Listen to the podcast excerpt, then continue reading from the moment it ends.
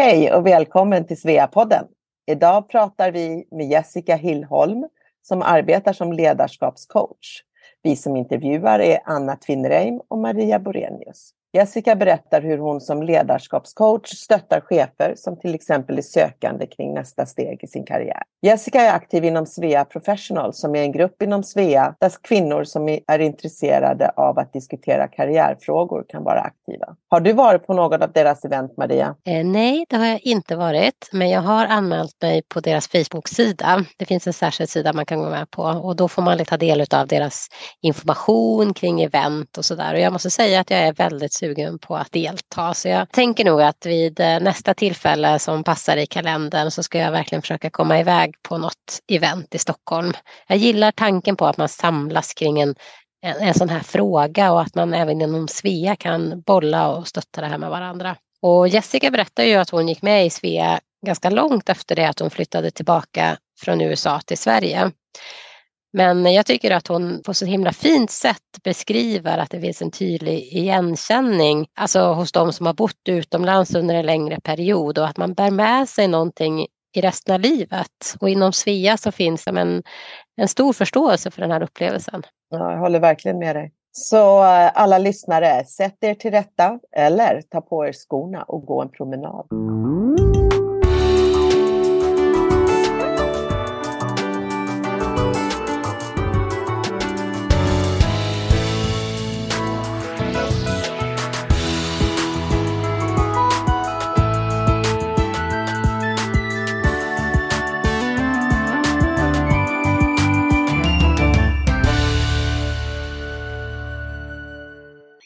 Jessica Hillholm heter jag och jag arbetar som ledarskapskonsult, tänkte jag säga, ledarskapscoach och HR-konsult. Kul! Välkommen till Svea-podden Jessica.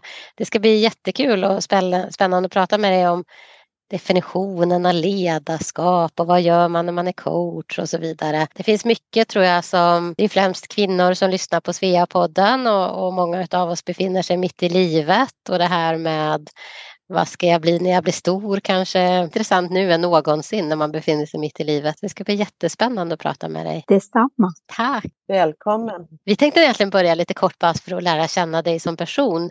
Du heter Hillholm i efternamn. Det, det tyder ju lite på att du skulle ha ett utländskt eh, bakgrund på något sätt. Hill låter utländskt. Mm, det kommer från England. Det kommer från min morfar som kommer via Norge. Så att det kom, och sen kom det eh, från England. Då, då, Så att det är lite det. Och det är mitt namn.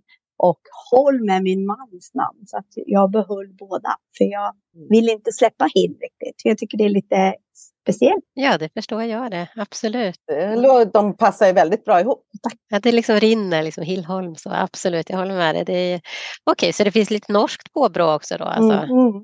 Ja, okay. Och vart, ehm, bara så vi placerar dig på kartan, vart är det du bor just nu? Ja, just nu bor jag i Gävle. Jag är ju född och uppvuxen där och eh, sen bodde jag i USA i fem år. Så kom jag hem, bodde i Stockholm träffade min man, hamnade i Norduppland och sen flyttade vi tillbaka till Gävle och har bott där nu de senaste 13 åren. Vad gjorde du i USA då? Eh, jag både, självklart, när jag kom dit första gången var jag barnflicka och sen så studerade jag på college eh, och jobbade lite och sen åkte jag hem. Så det, var, det blev ungefär eh, fem år totalt. Och var var du någonstans? Jag var i Los Angeles i Kalifornien. Åh, oh, vad härligt det låter.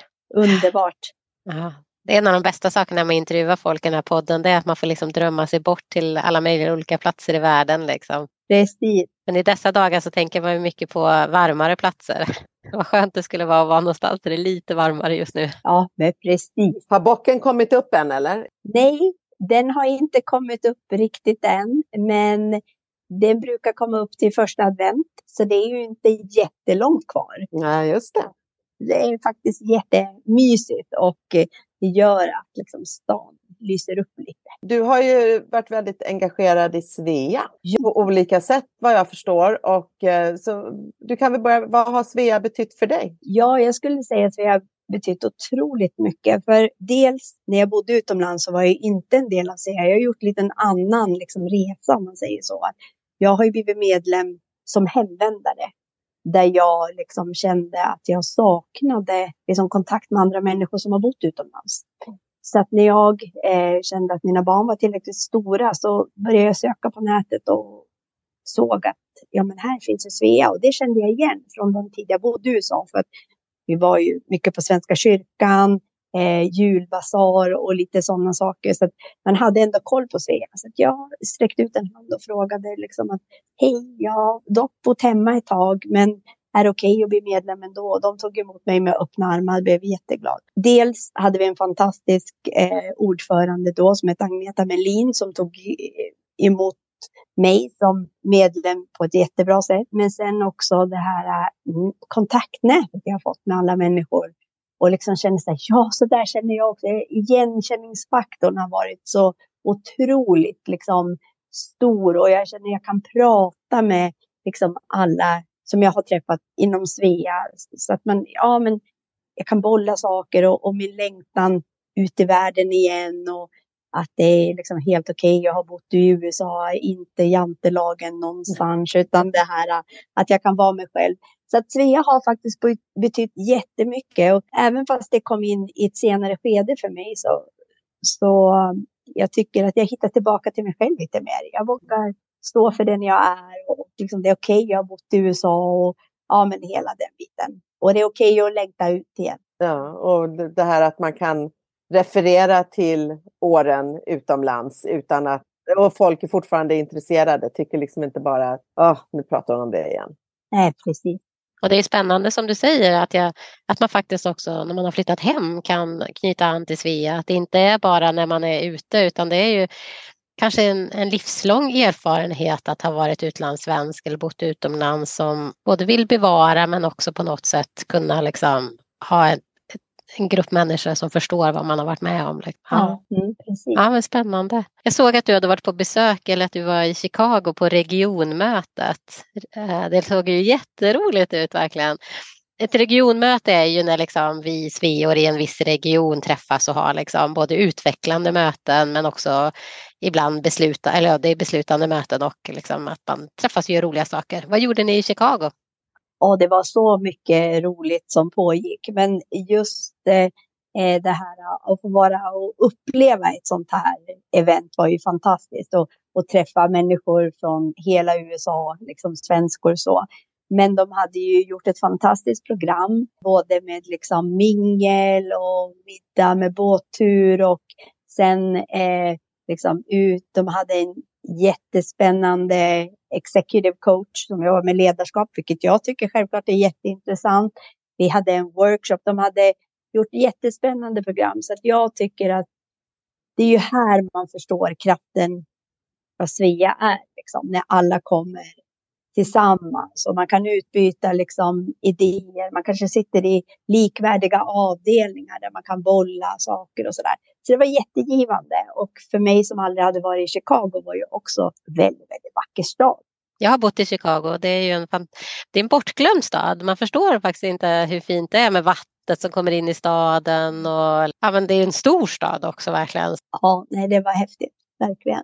Ja, de är duktiga i Chicago på att ordna fester, höll jag på att säga, men att ordna äh, möten.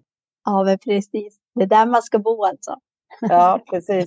Ditt stora, största engagemang inom Svea är eh, Svea Professional. Eh, ja, Svea Professional Sverige är jag tillsammans med min kollega i Svea Stockholm, Marie Forsman. Vi är gemensamt ansvariga eftersom vi båda jobbar lite och så där. Så att det, vi delar på det nu, men där känner jag att det är liksom det är där jag har min hjärtefråga såklart inom Svea. Jag var ju tidigare vice ordförande i Svea Stockholm, men det är ett par år sedan jag klev av med tanke på att jag kände att jag inte hann med och ville fokusera på Svea Professional Sverige.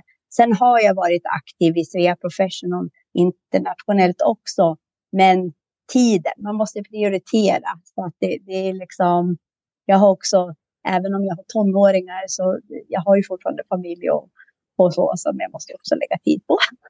Tonåringar kan ta mycket tid. Ja. Jo, så ja. Ja, vad, vad, tänker du kring Svea Professionals eh, framtid och så? Vad strävar ni mot? Vad gör ni i Professional? Bara ge oss en bild vad det handlar om. Ja, men Svea Professional är ju en intressegrupp, precis som Svea Art eller eh, Svea Skriver. Eller, det är ju att man är intresserad av liksom, yrkesliv, om man har jobbat, jobbar, driver eget företag eller om man bara är intresserad av ämnet. För det kan ju vara så att ibland är man medföljande, kanske inte har jobbat på flera år eller inte behöver jobba. Man kan ju fortfarande vara intresserad av ett ämne. Det är ju samma sak som Svea Art. Jag kan ju vara intresserad av liksom konst och den, de bitarna. Så för mig handlar Svea Professional om det. Att eh, vi i Svea erbjuder något för alla och att det är kanske mer riktat då mot yrkesverksamma eller entreprenörer eller så. Men det blir fortfarande ett nätverk och en mötesplats där man kan liksom skapa kontakter, där man kan dela motgångar, utmaningar, umgås, tänker jag. Lite så ser jag Svea Professional. Egentligen inte så stor skillnad från de andra intressegrupperna. Hur tänker ni framåt då när det gäller Svea Professional? Har ni någon jag vet att ni brukar träffas ibland. Är det, är det den typen av grejer? Ja, i Svea Professional Stockholm då, som jag ligger närmast nu och även om jag är ansvarig för Svea Professional Sverige. Om vi tittar på Svea Professional Sverige så är ju det kom ju till under pandemin där vi kände att vi ville liksom göra någonting och då blev det digitalt. Så då sammanstrålade ju vi alla hemvända föreningar och det är ju Stockholm, Göteborg, Malmö och Örestad för att vi liksom gemensamt gjorde aktiviteter. Och då hade vi ju bland annat Lexingtons vd Kristina Linde. Vi hade ju Anna Wikland från Google och så hade vi Karin Lindahl från Indiska. Så det var ju en gemensam, och så har vi haft några fler, men det var ju gemensamma aktiviteter. Sen har vi ju gått tillbaka till att träffa fysiskt och mera liksom live-event. Så då gör vi ju egna event i våra avdelningar, de som har liksom Svea Professional eller bara gör sådana event. Men man behöver ju inte ha, ibland kanske man inte har möjlighet att ha en egen Svea Professional, man kan ju fortfarande göra sådana event. Så, så gör vi då. Och så har vi sagt att målet är att under 2024 fyra, att vi ändå kanske ska ha en till två sådana här digitala event som Svea Professional Sverige för att vi ska liksom ändå hålla kvar i den här samverkan och att vi ska liksom jobba tillsammans och sådär. Så det är vårt mål om vi tittar på Svea Professional Sverige.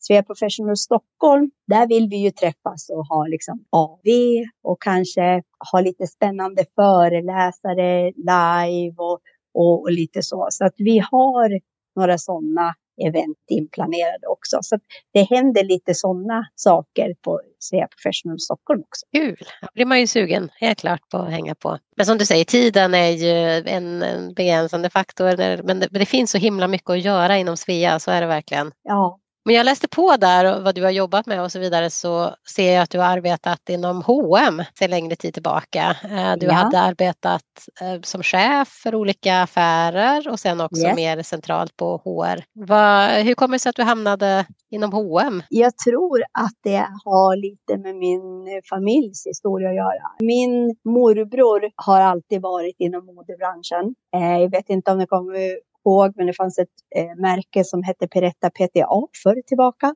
Typ på 80-talet var jättestort. Han ägde och drev det, så jag började mitt första sommarjobb där och du vet så. Sen gick jag, på den tiden hette det handel och distribution eller något sånt där.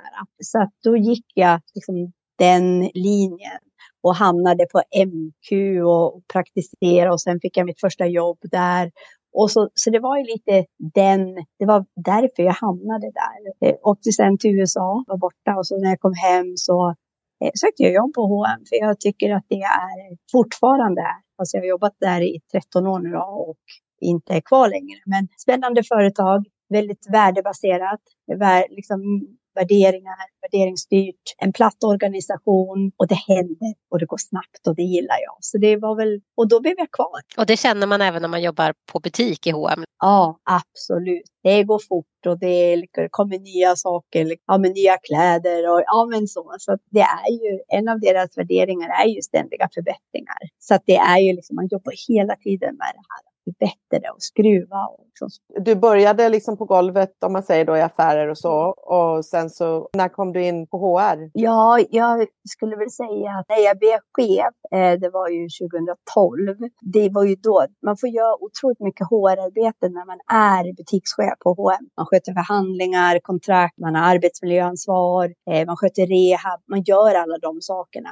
Så man är ju verkligen eh, den här personen som gör alla de här HR-sakerna. Men jag jobbar väl ungefär i fem år och sen kom jag in på HR rent HR som fick jag ett vikariat då, som HR-manager för norra regionen. Var det när du bodde i, vad sa du, norra Uppland? Ja, vad heter det? Ja, då bodde vi i Gävle. Har du pendlat in till Stockholm då? Ja, det har jag. Jag. Jag tycker om att pendla. Jag får min downtid där. Reflektera, kunna jobba lite, jobba undan. Nej, jag trivs med att pendla. Jag gör ju även det idag. Och var det inom när du jobbade med HR som du så att säga fastnade just för den här coachande delen och ledarskapsutveckling? Var det då du började känna att det här är någonting jag vill jobba med mer? jag skulle nog säga lite tidigare. För 2016 utbildade jag mig, certifierade mig som coach. För att jag ville liksom bli en bättre ledare. Ja, Ja, men känna mig själv och, och få självinsikt. Där och då kände jag när jag gick den utbildningen att hmm, det här var ju kul. Det här är ju spännande. Och så sen jobbade jag som ledare och ju mer jag kom in med HR och så, då gick jag steg två när jag var HR-chef för coaching och utbildade mig då, då till executive coach och certifierade mig i en högre nivå. Och då kände jag verkligen så här att ja, det är det här jag vill göra. Så det var lite tvåstegsraket kan jag säga. Att det var liksom öppna lite Pandoras box och sen blev det mer och mer så. Jag måste fråga då, så du jobbade, hade jobbat ganska många år innan du kom på det här med coach. Du certifierade dig och så och så sa du att det är det här jag vill göra. Hur kändes det?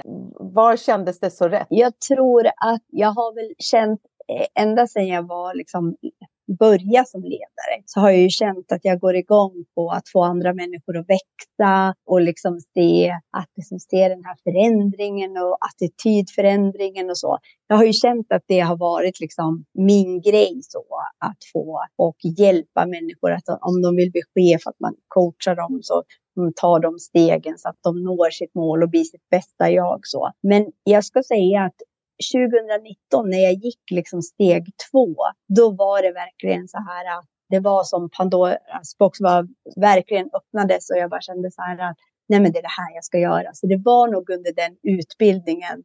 Och jag kommer så väl ihåg det, för det var typ i mars 2019.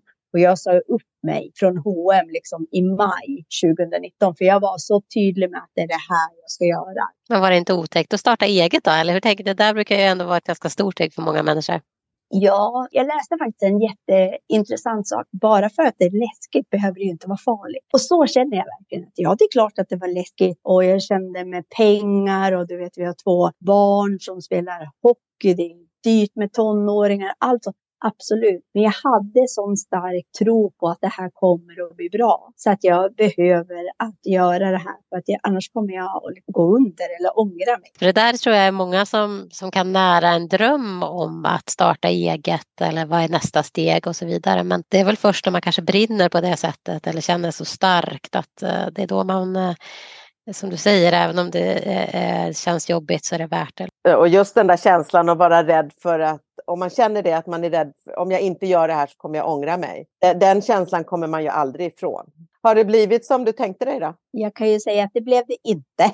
Eftersom efter jag, jag startade ju och jag var ju så taggad och det kändes så bra och så kom det en pandemi. Vilket gör att liksom första året, liksom 2020, jag hade ju turen för att jag hade fått uppdrag genom yrkeshögskolan att hålla utbildningar. Så jag hade både personalekonomi, kommunikation, eh, affärsekonomi. Så jag höll eh, liksom, utbildningar och de ställde ju om och gjorde dem digitala. Så jag tappade inte de uppdragen, vilket var jätte, jättebra. Men det var ju fortfarande inte fullt som jag hade hoppats på. För att alla bromsade ju då. Men sen under början av 2021 eller kvartalet 2021 så blev jag kontaktad av Randstad och eh, de frågade om jag var intresserad av ett interimsuppdrag på Sandvik. Och då kände jag med tanke på att det är lite osäkra tider och att eh, de här uppdragen med coaching och så kanske inte är helt liksom, vad företagen satsar på just nu, så gick jag in i det uppdraget. Och där blev jag kvar i nästan två och ett halvt år där jag både rekryterade för Sandvik, men jag också fick eh, jobba med karriärcoaching för att de såg min liksom, utbildning och så. Så jag har fått gjort många coachningar också. Och sen har utbildningar i så här, IPU, grupputveckling. Jag gick in med en syn på det här. Men det utvecklades till någonting super, super roligt. Så det är jag verkligen glad för att jag tog det steget. Så att det blev inte som jag hade tänkt mig på grund av pandemin. Men just nu känner jag som att det har blivit bättre.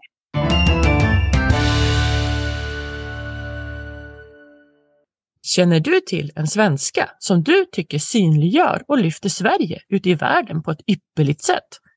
Borde inte hon få lite uppskattning för allt hon gör? Nominera henne till Sveas utmärkelse Årets svenska kvinna 2024. Mer information om hur du nominerar din kandidat och vilka kriterier som krävs kan du hitta på svea.org. Sista dagen för nomineringar är den 30 november.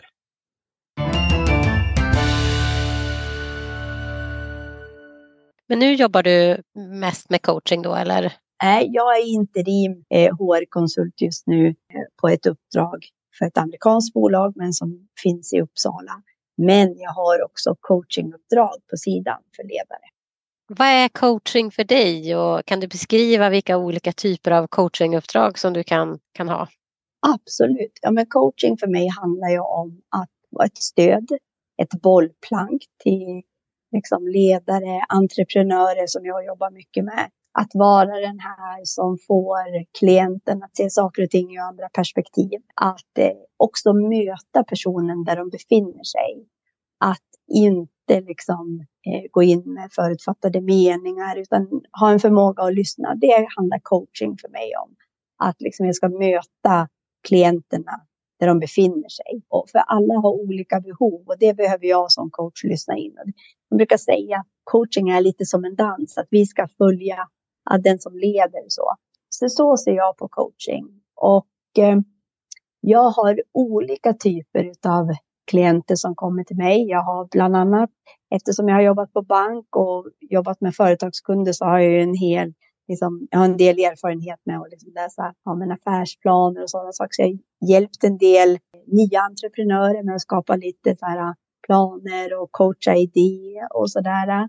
Sen så absolut många ledare Eh, coachat i sitt ledarskap. Både nya, befintliga ledare och sen också som jag har gjort i mitt senaste uppdrag, då, liksom karriärcoachat. När det kanske har varit en organisationsförändring det handlar inte om att man vill göra sig av med de här personerna, så, utan på grund av organisationsförändringen så har de här personerna inga stolar. Ja, men coacha de här personerna till att vad vill jag göra? Ja, men hjälpa till att uppdatera CV, LinkedIn-profil och lite, vad är mina drivkrafter och så. För du kanske har haft en roll i 20 år och så gör bolaget om och så behöver man tänka nytt och så kanske man också har chans och möjlighet att hitta, ja men vad brinner jag för? Med hjälp av coaching. Så att det, det ser lite olika ut. Vill alla som kommer till dig, kommer de av eget eh, hjärta, eller vad ska man kalla det för? Eller kan de bli tillsagda att nu ska du gå och bli coachad? Ja, jag har haft något sånt, väldigt sällan faktiskt skulle jag säga. Men jag har haft något sånt case varpå man har kommit och kanske inte förstått vad, vad ska det här ge eller du bestämmer och lite, kanske lite likgiltigt med tanke på att kanske en omorganisation är kanske någonting man inte vill. Då gäller det att bemöta det och också låta personerna eller personen då som jag sitter med, de måste få vara arg och besviken och ledsen. Då behöver man lyssna på det och när man har gjort det, då kommer man oftast vidare. Så jag tror att det handlar också om att vara, vara lyhörd. För eh, det är inte coaching handlar inte om att ja, nu ska vi bara titta framåt och så. Ibland måste man ju ta sig igenom de här jobbiga känslorna också såklart. Så att eh, de situationerna har man hamnat i också. När är det dags att använda en coach? Vilka tillfällen i livet är det framför allt man ska, eller i sin karriär, när en coach passar bäst?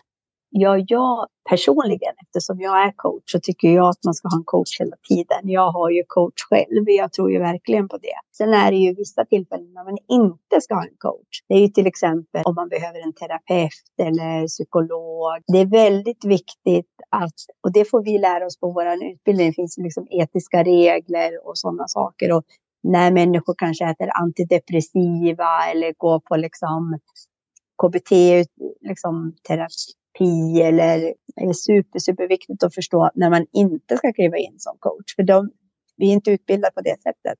generellt skulle jag säga, alla som, som inte har den problematiken eller så, Ja men absolut, att vid karriärbyte kanske, eller när, i ledarskap. Det finns ju affärscoacher om man driver företag också och så. Men det är väl de tre, när det gäller karriär, ledarskap och eh, business som jag tycker utifrån mitt perspektiv. Men det är väl för att jag jobbar lite åt det hållet. Sen finns det ju livscoacher och, och då är det ju mer så här personlig utveckling och kanske de bitarna. Jag tänker mig att man går in i det, båda delar kanske, du också?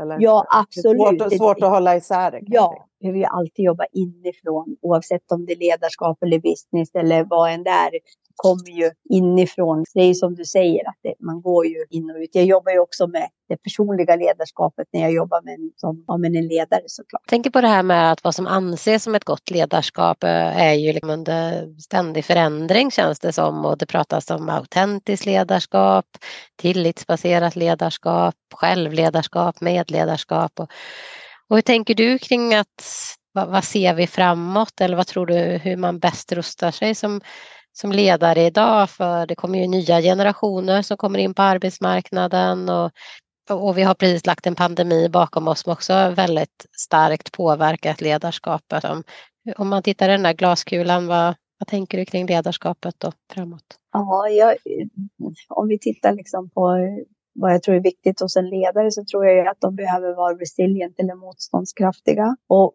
vara agila. För förändring sker så snabbt idag. Det händer mycket i våra i vår värld och sen digitalisering med AI och så. Man behöver ha den här förmågan att kunna ställa om. Vara motståndskraftig för mig handlar också om att man ska vara trygg. Sen tror jag att det är lead by example. Det tror jag är jätteviktigt att man lever som man lär som ledare. Att man som föregår med gott exempel. Man pratar mycket om EQ eller emotional intelligence. Där tror jag empati som är jätte, jätteviktigt. Och sen så tror ju jag på diversity och inclusion att det, är har jämställdhet och inkludering. Det, det tror jag är viktigt för ledare att jobba med framåt. Många stora organisationer gör ju det idag, absolut. Jag tror att det är precis som du var inne på, det kommer nya generationer. De här frågorna är viktiga för dem.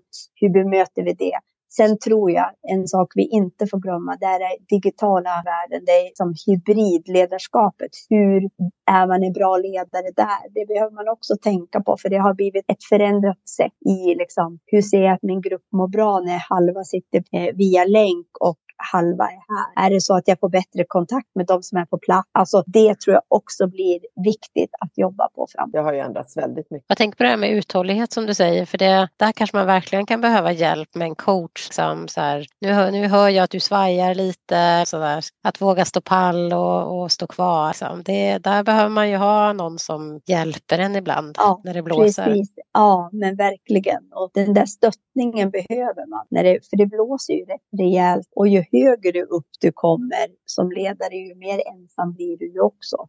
Så det är väldigt bra med en coach då att ha det här. Man kan ventilera saker, man kan bolla saker och så. Och det är lite tystnadsplikt.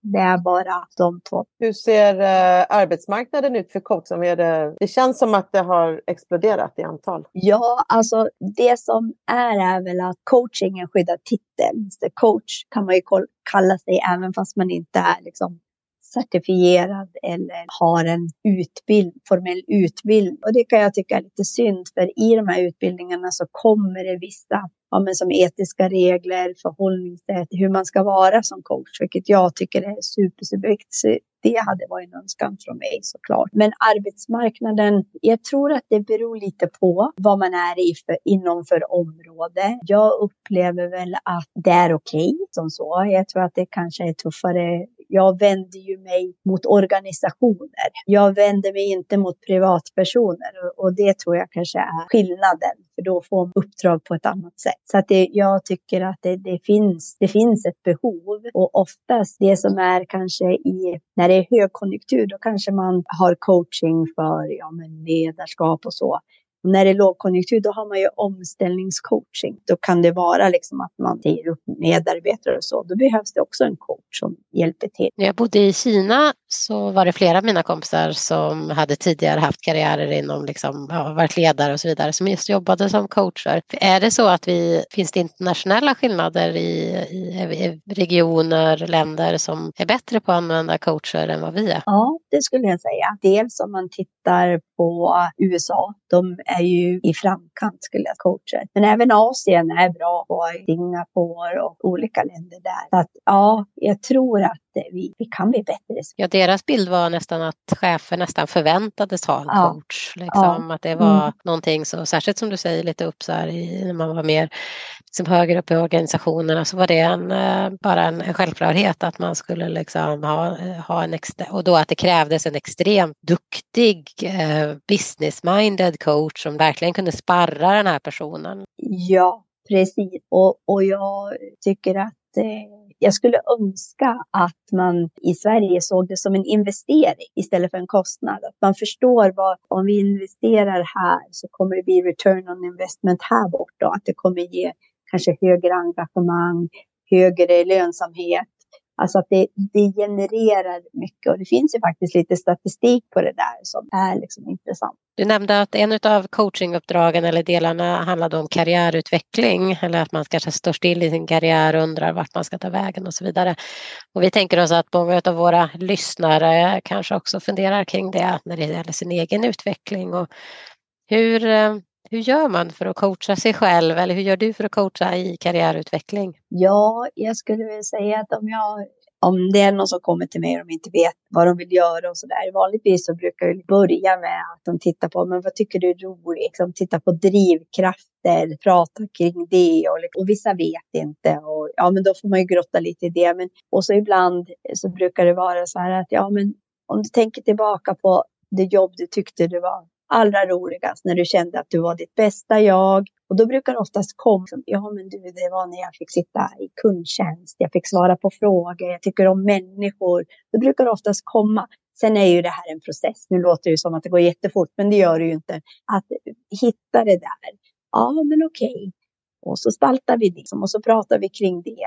Så att hitta vad är det som man tycker är roligt och vad man går igång på. Om man hittar någon röd tråd i de jobben man har haft tidigare kanske. Ja, men titta här. Ja, men jag tycker faktiskt kundservice, serviceinriktade arbeten är roligt. Jag har ju faktiskt haft 10 av 15 jobb som det handlar om. Liksom hitta den här röda tråden, tänker jag. Och sen hjälpa till såklart brukar jag göra med CV.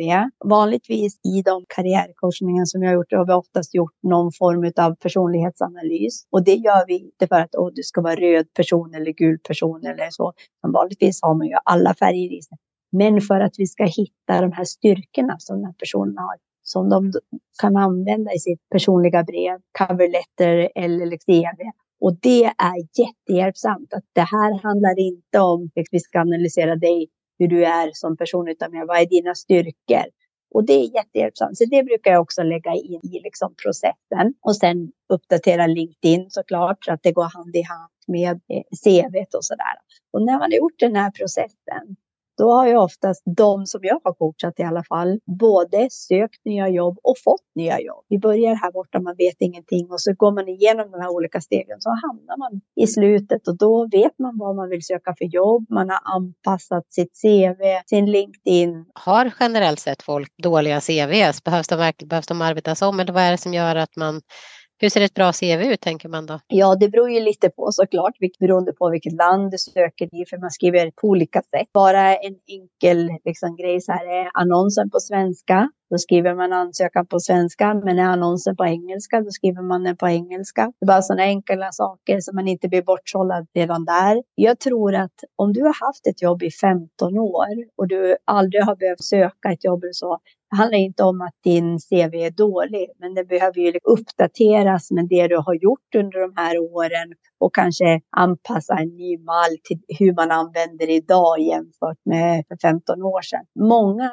eh, vad heter det, CVn, det är inte så att de är dåliga, men man kan alltid bli bättre. Man kan skruva till det lite göra det. Ibland är det väldigt mycket text. Man måste tänka på, okej, okay, när en rekryterare läser det här, det är x antal sekunder. Hur gör jag det tydligt för att jag ska sticka ut? Lite sådana där saker som man jobbar lite på. Jag tycker att det är lite intressant. Jag flyttade hem för några år sedan och eh, jag vet det var ageism. Jag hade faktiskt aldrig, tycker jag, hört talas om det när jag bodde i Nordamerika. Sen så har jag blivit äldre såklart, så jag tänker ja, men det kanske kommer då med åldern de här åren. Där jag, jag jobbar i skolans värld och här är det väldigt mycket så tycker jag. Tycker du att det är mer i Sverige än någon annanstans? Din erfarenhet? Ja, jag skulle hålla med faktiskt att det är lite så. Sen måste jag säga att det beror lite på bransch också, vad, vad man är i för bransch såklart. Det är väldigt mycket fokus på ålder ibland. Som du säger, du har tonårsbarn. Du behöver inte vara hemma när de är sjuka. Alltså, det är massa sådana där saker som man tycker det är perfekt att anställa någon som är 50. Liksom. Men helst så verkar det som att de flesta ledare vill ha en 34 år. Ja, både ja och nej. Alltså, där jag kommer ifrån, där jag jobbar med det, det upplevde jag inte faktiskt i eh, den organisationen jag jobbade i innan det här uppdraget. Ja, vad bra. kändes som att man verkligen ville ha både och. En av mina kollegor som jobbade med rekrytering anställde en kandidat som var 62 år.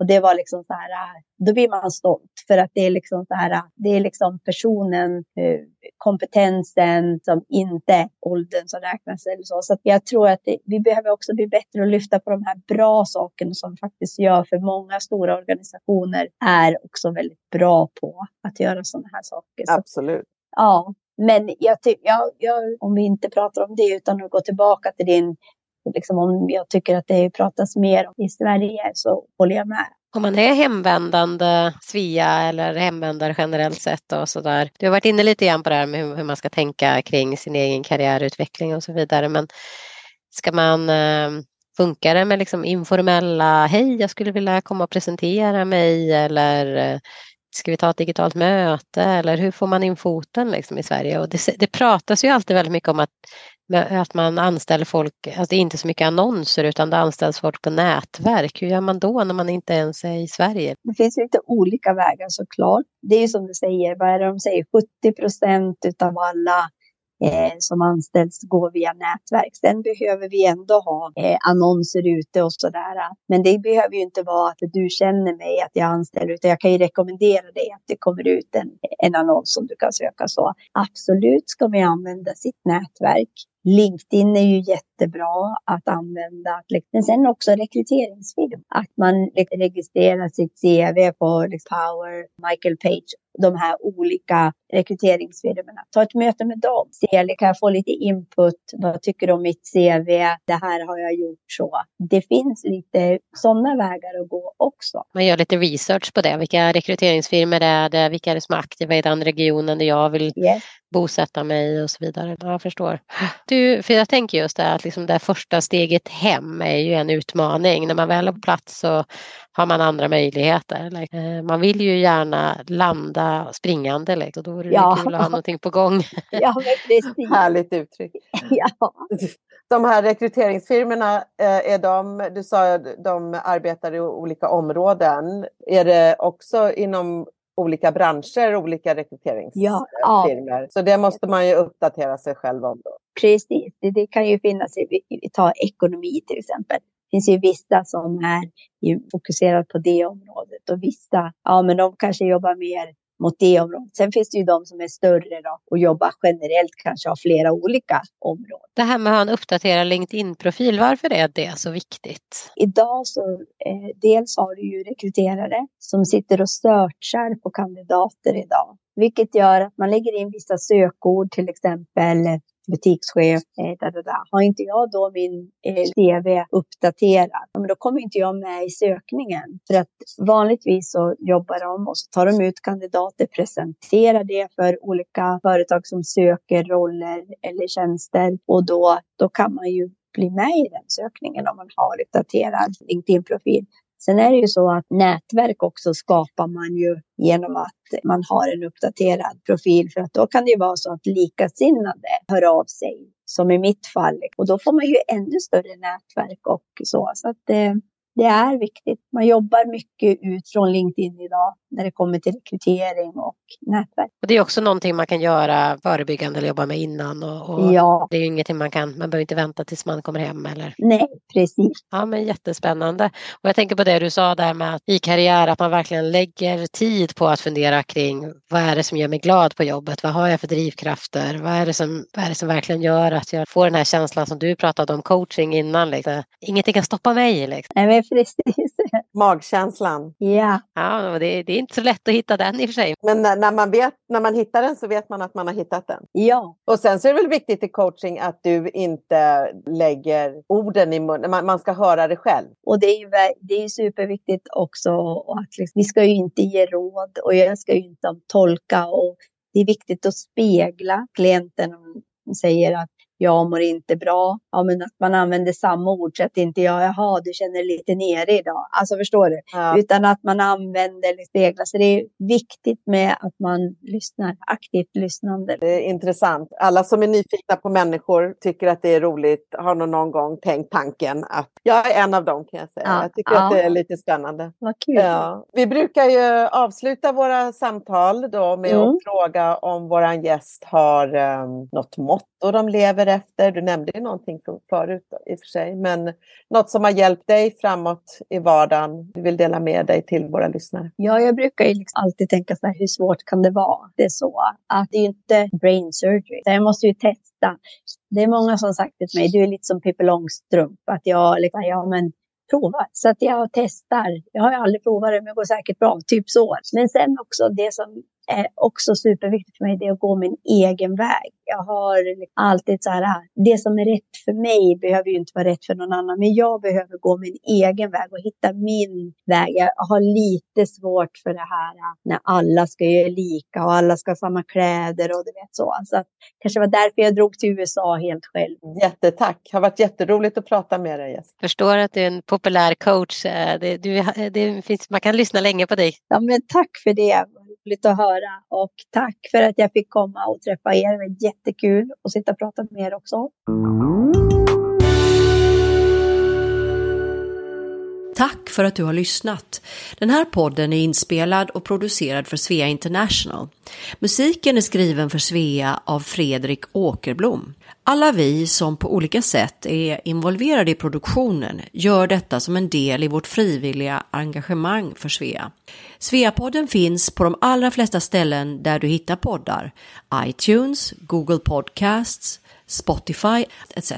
Om du saknar något poddställe så skicka ett mejl till sveapodden gmail.com. Mer information om Svea hittar du på vår webbplats svea.org och i sociala medier så finns vi på Facebook, Instagram och LinkedIn och där hittar du oss som Svea International.